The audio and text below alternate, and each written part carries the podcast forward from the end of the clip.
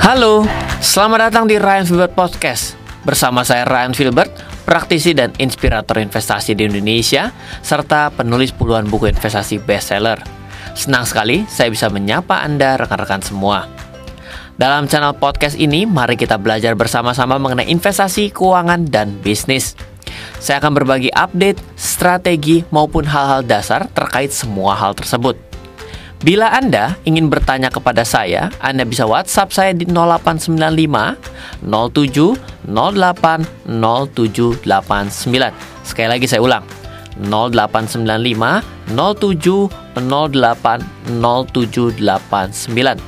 Silakan Anda add WhatsApp saya sekarang untuk bertanya maupun berdiskusi bersama saya. Selain podcast ini, Anda juga bisa menemui saya di channel YouTube RF Channel. YouTube RF Channel. Semoga selalu bermanfaat. Dari saya Ryan Filbert, salam investasi untuk Indonesia.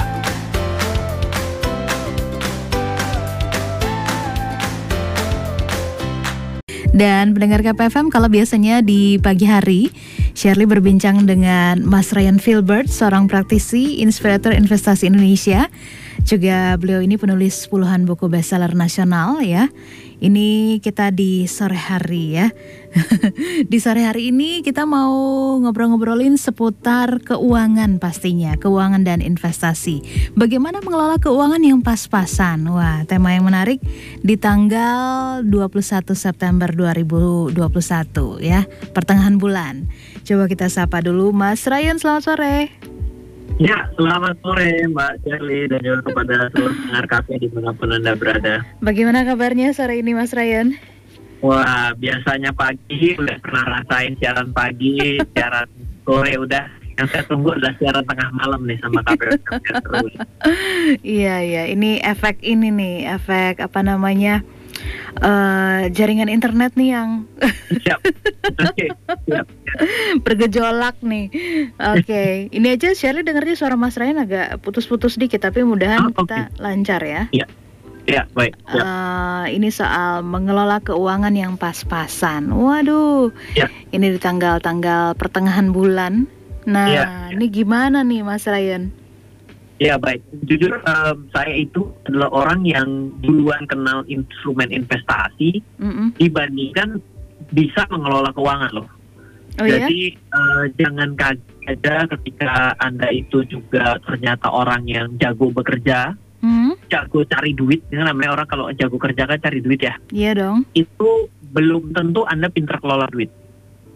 Oke. Okay. Itu pertama. Yang kedua, anda jago sekali investasi saham, Anda jago sekali investasi properti, uh-huh. belum tentu juga Anda itu pintar kelola duit loh.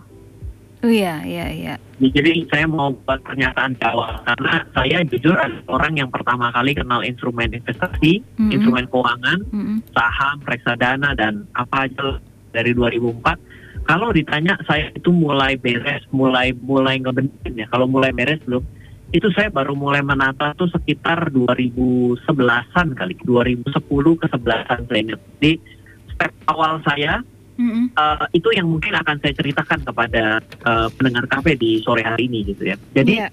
pertama uh, saya ingin mau bicara bahwa belum tentu kita ini sebenarnya uh, jago cari duit, jago investasi, tapi kita ini pintar ngelola duit. Mm-hmm. Di mana uh, sebenarnya untuk membuat kita itu menjadi punya ketahanan keuangan hari ini dan seumur umur punya duit yeah. itu adalah dari kita punya kemampuan mengelola uang ini loh. Mm-hmm. itu penting itu banyak orang yang tiba-tiba dapat penghasilan besar tapi akhirnya juga tetap nggak punya duit. Kok bisa? Karena apa? Karena dia itu berusaha untuk mencukupi gaya hidupnya. Oh. ketika dia itu dari seorang staff naiknya motor bebek Hmm. Begitu dia naik lagi supervisor ganti kendaraan city car. Hmm. Begitu dia ganti lagi manajer dia ganti mobilnya menjadi tambah mewah. Yang mana semuanya dia bayar pasti dengan cicilan. Iya. Yeah. Loh kenapa? Karena nggak mungkin gaji sebulan bisa beli mobil. Itu hmm. siapa dia gitu ya? Hmm. Gajinya gede banget gitu ya. Apalagi mungkin baru jadi supervisor masa bisa tiba-tiba gaji satu bulan kuat untuk ngelunasin mobil tanpa cicilan dan bisa mencukupi kebutuhan hidup sehari-hari kan. Yeah. Sepertinya hitung-hitungnya tidak masuk akal. Tapi kenapa banyak orang yang bisa seperti itu? Karena mereka berusaha berpikir bisa menyelesaikan segala sesuatunya pay letter lah. Iya Hmm. dong hari ini kan ada pay letter, dulu Iya. adanya kartu kredit gitu Ah, ya. ah, ah. Nah, apakah salah? Sebenarnya tidak. Tapi kalau kita tidak bisa menjaga keuangan kita dulu dengan cara struktur pondasi yang baik, kita tetap aja mau punya pendapatan berapapun itu nggak akan ada artinya. Hmm. Dan bicara pas-pasan akan selalu ngepas ketika kita itu memang tidak pintar kelola duit. Iya, iya. iya. Misal, ketika dia menjadi pas-pasan dengan pendapatan yang besar, ternyata dia ini terlilit hutang yang besar. Makanya seiring dengan dia menjadi tambah banyak dapat duitnya, dia akan selalu ngepas. Kenapa? Karena habis buat bayar cicilan. Hmm. Jadi rumus pertama kedua adalah coba deh kita itu berpikir kata-kata pas-pasan kita itu maksudnya apa sih? Karena kadang-kadang orang punya ngomong pas-pasan itu kan beda ya. Ada orang yang memang pas-pasannya dengan standar tertentu, ada yang pas-pasannya udah ngepas banget bahkan udah minus banget gitu ya. Ya. Coba kita lihat dulu deh. Sebenarnya eh, pendapatan kita tuh besar atau kecil. Hmm. Kedua, syukuri dulu kalau masih punya pendapatan karena di luar sana masih banyak yang nggak punya pendapatan loh. Betul. Betul. Nah, selanjutnya adalah coba kita bisa timbang dengan pengeluaran kita itu seperti apa. Pasti kita itu ada orang yang bilang, oh pengeluaran itu nggak tentu pak. Betul. Mhm. Tapi pengeluaran itu ada rata-ratanya loh. Misal, saya ini pakai yang namanya tagihan PLN. Ya. Ternyata belum tentu loh kok. Iya, tapi kita punya kecenderungan pemakaian rata-rata pasti.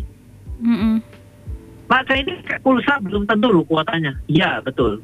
Apalagi WFH pasti lebih tinggi tagihan kuota gitu ya. Mhm. Nah, tapi tetap ada suatu rata-rata yang bisa kita lakukan. Karena manusia itu ada polanya. Ya. Nah, jadi kita itu pertama kali jangan seperti eh, ini eh, ninja. Jadi nggak ada nggak ada pola. Jadi sangat sangat keren gitu kayak agen spionase itu kan tidak bisa ditebak ya. Ceritanya itu sudah pikir. Jadinya, eh nggak ada sih. Iya kan? Nah, kita Mhm. jangan begitu. Kita berpikir dulu bahwa bisa ditata. Karena kita melihat rata-rata biaya kita. Nah, setelah kita tahu biaya kita, yang kita lakukan selanjutnya adalah kalau itu sudah lepas, khas adalah kita berusaha untuk memperkecil pengeluaran, jangan mau jangan memperbesar pendapatan. Hmm. Karena banyak orang itu yang selalu begini, waduh saya udah ngepas nih. Itu ada kerjaan sampingan nggak? Pendapatan dan pengeluaran kita itu Uh-uh. eh, kalau ternyata pengeluaran kita pas-pasan dan eh, ke- lebih besar, Uh-uh. jangan coba berbicara mengenai pendapatan yang ditambah besarin dulu dengan cara mencari pekerjaan baru. Oh. Biasanya kalau dari saya adalah lebih baik coba untuk mengadjust pengeluaran. Meskipun biasanya kalau yang sudah punya anak dan tanggungan hidup, ini tidak segampang itu ketika kita bicarakan. Mhm. Kenapa? Karena pengeluaran itu yang di-adjust bukan diri kita sendiri tapi sekeluarga. Ya. kita mungkin siap, tapi kadang keluarga kita orang itu makanya hati-hati menaikkan gaya hidup. Hmm. Kenapa? Karena gaya hidup itu begitu kita itu sudah naik, turunnya sengsara loh. Hmm. Ya. Ya. Ya, kalau kita udah biasa naiknya mobil kelas Eropa, tiba-tiba kita jalan kaki, ya kan? Bukan Hmm. bermaksud sehat, tapi karena tiba-tiba mobilnya dijual, itu penderitaannya luar biasa, ditambah malu sama tetangga. Mhm. Mhm. Ya. Jadi pastikan ketika Anda mengupgrade yang namanya bia- eh, yang namanya gaya hidup itu pastikan juga bahwa Anda itu bukan karena cuma sekedar gengsi. Hmm. Better adalah naikkan dulu pendapatan tiga kali lipat, baru gaya hidup dinaikkan satu kali lipat. Ya. Karena kalau enggak bahaya sekali. Nah, sebenarnya kalau ditanyakan ya, orang Indonesia itu yang bisa disebut sudah cukup mapan itu punya aset lancar berapa? Aset Mhm. lancar tuh sesuatu yang bisa digunakan langsung gitu ya. Ya. Kalau berdasarkan data saya terakhir di akhir tahun 2019 ya, Mhm. eh, dan saya belum mengkalkulasi kembali data, itu bila kita memiliki pendapatan 700 juta, bu- punya aset 700 juta yang berbentuk liquid, Ya. misalnya tabungan atau apa pun ya yang sifatnya liquid ya, Mhm. itu kita itu udah dianggap orang kaya loh sebenarnya. Oh. Jadi uh, lebih daripada itu sudah hebat sekali karena sudah masuk ke dalam rata-rata kaya di Indonesia. Kalau kurang daripada itu ya sebenarnya ketika Anda dianggap pas-pasan benar ya. Ketika Anda memiliki uh, ya pas-pasan itu artinya adalah ketika Anda baru bisa mencukupi hanya kebutuhan hidup sehari-hari saja itu pas memang benar. Hmm. Nah, tapi yang perlu kita yang ada satu studi yang menarik ya. Dan Anda harus hati-hati juga berbicara mengenai pendapatan ketika kita ini memiliki total pendapatan atau uh, mungkin bukan pendapatan tapi adalah aset kita okay. itu satu juta dolar. Satu juta dolar. Mm-hmm. maka uh, akan sangat seru untuk kita bisa mendapatkan satu juta dolar selanjutnya. Artinya menjadi dua juta dolar kan pasti seru ya. 28 miliar kan besar sekali ya mbak ya? Mm-hmm ada catatan yang menarik. Ketika Anda menaikkan pendapatan uh, atau uh, total daripada aset Anda satu juta dolar menjadi 2 juta dolar, kan kesannya adalah 100% ya? Iya. Nah, gaya hidupnya itu tidak akan jauh berbeda. Hmm. Gaya hidupnya akan nggak ada perubahan signifikan ketika Anda memiliki satu juta dolar dan 2 juta, 2 juta dolar. Tapi akan menjadi sangat sengsara dari satu juta dolar menjadi 0 juta dolar. Nol artinya tidak punya apa-apa. Iya. Iya, walaupun sama-sama loh naik turun satu juta dolar, tapi ternyata akan sangat berbeda. Nah, oleh karena itulah ketika kita memiliki gaya hidup di kelasnya tertentu, berhati-hati untuk menaikkan ke gaya hidup yang dua kali lipat daripada yang Anda rasakan hari ini. Hmm. Kenapa? Karena ketika Anda menaikkan, Anda akan susah turun. Dan biasanya tingkat kenikmatannya juga tidak akan jauh berbeda. Hmm. Tapi hati-hati, kalau Anda turun kelas, itu rasa sakitnya luar biasa. Maksudnya adalah bahwa jangan pernah segampang-gampang itu menaikkan gaya hidup, apalagi dengan cara berhutang. Ya. Kenapa? Karena banyak orang yang hari ini kerasanya dia tidak bisa mengejar suatu keinginan tertentu karena ada satu handphone yang bentuknya apel lagi digigit, baru saja merilis model baru. Oke. Okay. Nah, itu biasanya orang mengejarnya dengan tidak mampu, yang waras itu dengan cara berhutang, yang sudah kehilangan hak akal sehat adalah menjual ginjal. Oh, waduh. Iya, coba bayangkan ya, sampai ada kasus suatu studi nyata bahwa mengejar gaya hidup itu adalah dengan cara mengorbankan harta terbesarnya yang sebenarnya ginjal kan sesuatu yang sangat istimewa di badannya gitu. Ya. Iyalah mas, anggota tubuh gitu kan. Nah, makanya, kok sampai ada yang mau ditukar sama handphone coba? Wih, sampai segitunya. Itu kan, nah, itu mm -hmm. makanya. Jadi kalau bicara pas-pasan itu nggak pernah ada ukuran yang ngepas loh bagi setiap orang. Hmm. Pertama relatif yang kita ya? highlight mm -hmm. relatif. Mm -hmm. Yang kedua adalah kalau kita mau kejar yang namanya keinginan kita, kita ini harus bisa membedakan antara ingin dan butuh. Karena sehari-hari itu kadang-kadang suka ngeblur. Iya, iya, iya. Contoh, saya ini butuhnya apa? Makan. Tapi kalau saya ditanya saya mau ingin makan apa? Waduh, repot loh.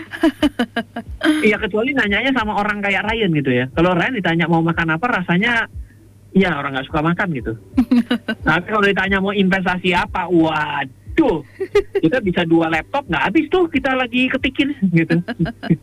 Semua Luar mau biasa. gitu. ya, ya karena itulah. Nah, selanjutnya adalah um, hati-hati dalam kita ini memilih teman gitu ya. Hmm. Kalau kita ini dalam keadaan hidupnya pas-pasan, pendapatan kita pas-pasan, jangan-jangan teman kita salah loh. Hmm. Loh, kok jadi tiba-tiba mengkambing kita kan enggak gini coba. Kalau kita itu coba lihat ya, ada teman kita ada lima ya misalnya ya. Coba kita lihat lima teman terdekat kita termasuk pasangan hidup kita itu teman dekat dekat kita. Hmm. Coba hitung deh, berapa sih uang ataupun pendapatan yang ada di kantong mereka setiap bulan? Kira-kira aja kalau nggak tahu. Kira-kira aja. Terus coba di rata-rata. Bagi lima. Ya itu pendapatan Anda. Hmm.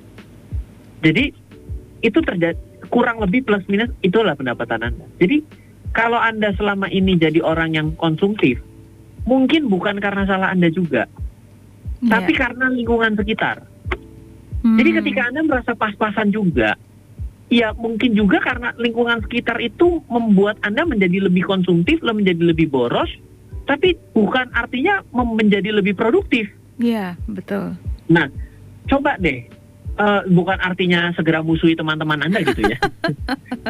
Ini kita jadi jadi jadi dimusuhin orang gitu. Tapi coba kita pikir, iya oke okay lah. Kalau memang ternyata kita satu adalah istri kita, adalah suami kita itu udah satu ya, udah satu mewakili dari lima. Hmm. Ya coba empat ini ya coba dikurangi teman bertemannya dengan orang itu tapi ditambah dengan intensitasnya dengan orang yang jauh lebih menghasilkan. Ya. Yeah. Kenapa? Karena itu saya coba sendiri juga.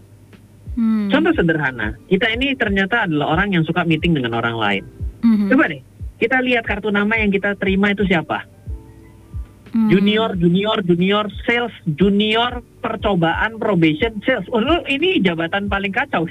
Sudah junior, probation, sales ya kan? Hmm. hmm, hmm. Nah, ya kalau kita ketemunya itu terus ya berarti ya level kita itu. Hmm. Tapi kalau kita bisa meningkatkan ber lebih tinggi, lama kelamaan kan kita akan lebih mudah untuk mendapatkan decision making kan. Yeah. Dan ketika kita berada di dalam jajaran mungkin hari ini yang orang terkenal dengan C level gitu ya. Mm-hmm. Nah itu juga akan tercermin dari keputusan anda dan juga dari pendapatan anda. Mm. Lupa tapi kok belum belum juga belum jangan khawatir tunggu aja. Gitu tunggu aja. Iya Pasti mas. kok. Nah karena karena banyak orang yang gini, aduh pak saya ini kok udah kerja mati-matian gaji nggak naik naik ya ya lo orang lagi dalam keadaan kayak begini mau minta gaji naik kan iya. kadang-kadang iya. juga ya bersyukur masih ada orang yang nyari kerjaan nggak dapat gitu ya mm. tapi coba pikir gini kalau anda digaji 100% dan usaha anda 100% lo ya memang menurut saya nggak layak naik gaji tuh lo iya dong yeah. adjustment itu terjadi kalau ada gap mm-hmm. kalau nggak ada gapnya ngapain dia aja Iya, iya. Dan sekarang kalau Anda gajinya 100, kalau Anda gaji 100%, upaya Anda 200%, ya Anda naik, Anda layak naik gaji. Mm -hmm. Nah ternyata sekarang sudah udah berupaya 200% di gajinya 100%. Berarti dianggap tidak adil. Menurut saya tidak. Kenapa? Jangan khawatir. Pasti toko sebelah ngelihat kok siapa yang toko sebelahnya itu memiliki kinerja lebih bagus karyawannya. Bener nggak? Iya dong. Jadi, kita harus menjadi orang yang memang melihat bahwa kalau gimana kalau kita pas-pasan. Oke, okay, apakah anda sudah benar-benar pas-pasan? Hmm. Pertanyaannya. Sadar yang dulu kedua, gitu ya. Hmm. Iya. Yang kedua, kalau memang ternyata ternyata anda sudah melihat ya anda memang ternyata ada gap, hmm. ya sudah. Sekarang pilihannya menurut saya berhemat. Oke. Okay. Kalau memang ternyata sudah juga belum, mungkin adalah anda berada di lingkungan atau ekosistem yang kurang tepat. Hmm Kenapa? Kalau Anda tiap hari itu ngomongannya adalah gosip, Anda akan jadi raja gosip, betul? Betul. Kalau tiap hari Anda ngomongnya investasi, investasi, bisnis, peluang usaha, ya Anda akan bisnis, peluang usaha dan investasi tiap hari pemikirannya, betul? Setuju. nah, ini adalah sesuatu yang membuat kita ini bisa tidak berada dalam kondisi pas-pasan. Hmm. Saya ini malah kalau dalam kehidupan saya gitu ya, yeah. saya karena orang yang selalu mencari ilmu, saya ini selalu berada dalam hal yang kurang. Yeah. Meskipun teman saya bilang lu masih kurang belajar apa lagi Ryan. Mm -hmm. Orang kayaknya ngerti loh, ditanya apa pun tahu loh. Saya bilang enggak loh. Saya ini malu loh, ketemu sama ini saya ada yang Iya karena kita berusaha untuk men diri kita ke level yang lebih baik. Iya. Yeah. Tapi ketika kita duduk dan kita merenung, terima kasih bahwa kita terima kasih Tuhan bahwa kita sudah sampai di level ini. Dua teknologi yang berbeda. Hmm. Yang satu itu mengejar sesuatu. Hmm, hmm, hmm. Karena kita merasa kita masih kurang.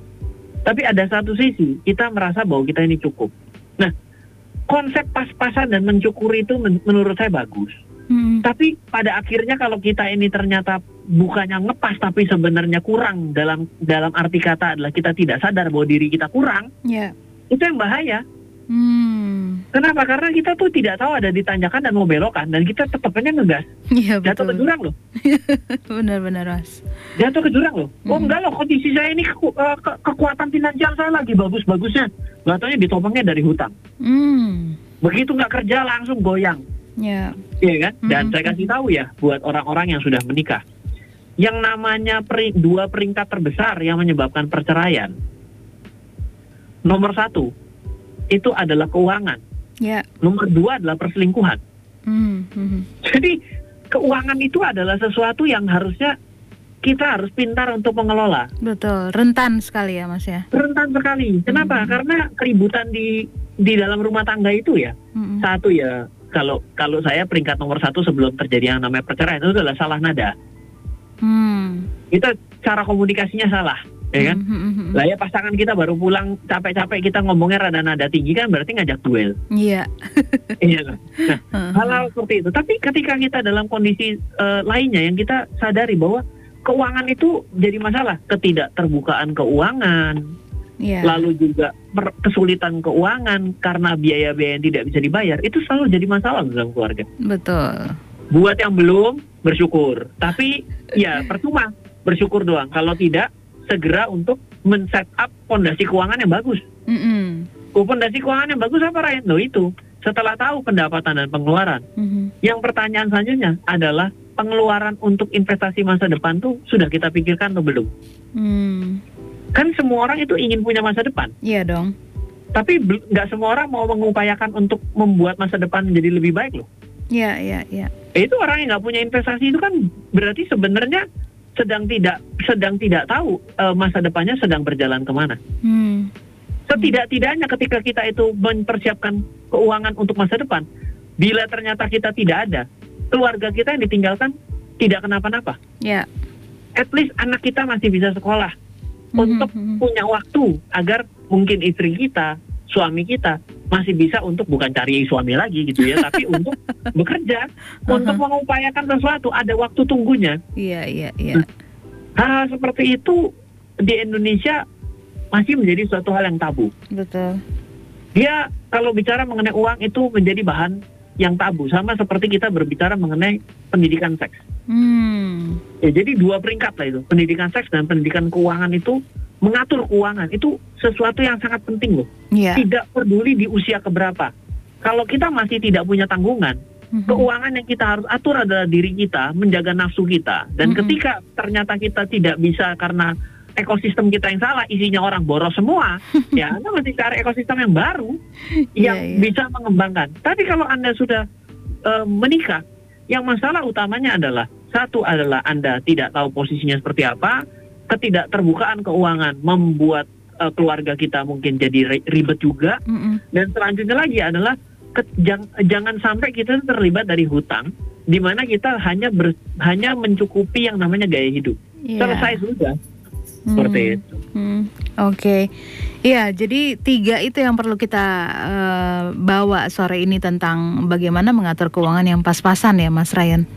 Ya, kalau hmm. pas-pasan itu ya kita belum tentu kita itu ngepas kok. Tapi kita nggak tahu posisi pas itu apa karena kita orang nggak pernah ngitung. Dengan iya. kita tahu biaya kita berapa, kita baru tahu tuh titik ngepas kita berapa. Nah setelah itu baru kita sikapi apa. Hmm, baik. Waduh, pengen lama-lama tapi waktunya terbatas nih, Mas Ryan. Yeah. Thank you untuk uh, tipsnya. Kita ketemu ya, lagi sama -sama. di lain waktu Mas Ryan. Ya, Sukses okay, aktivitasnya. Selamat sore Mas Ryan. Ya, thank you. Itulah tadi pendengar KPFM Mas Ryan Filbert seorang praktisi inspirator investasi Indonesia juga penulis puluhan buku bestseller nasional. 954 KPFM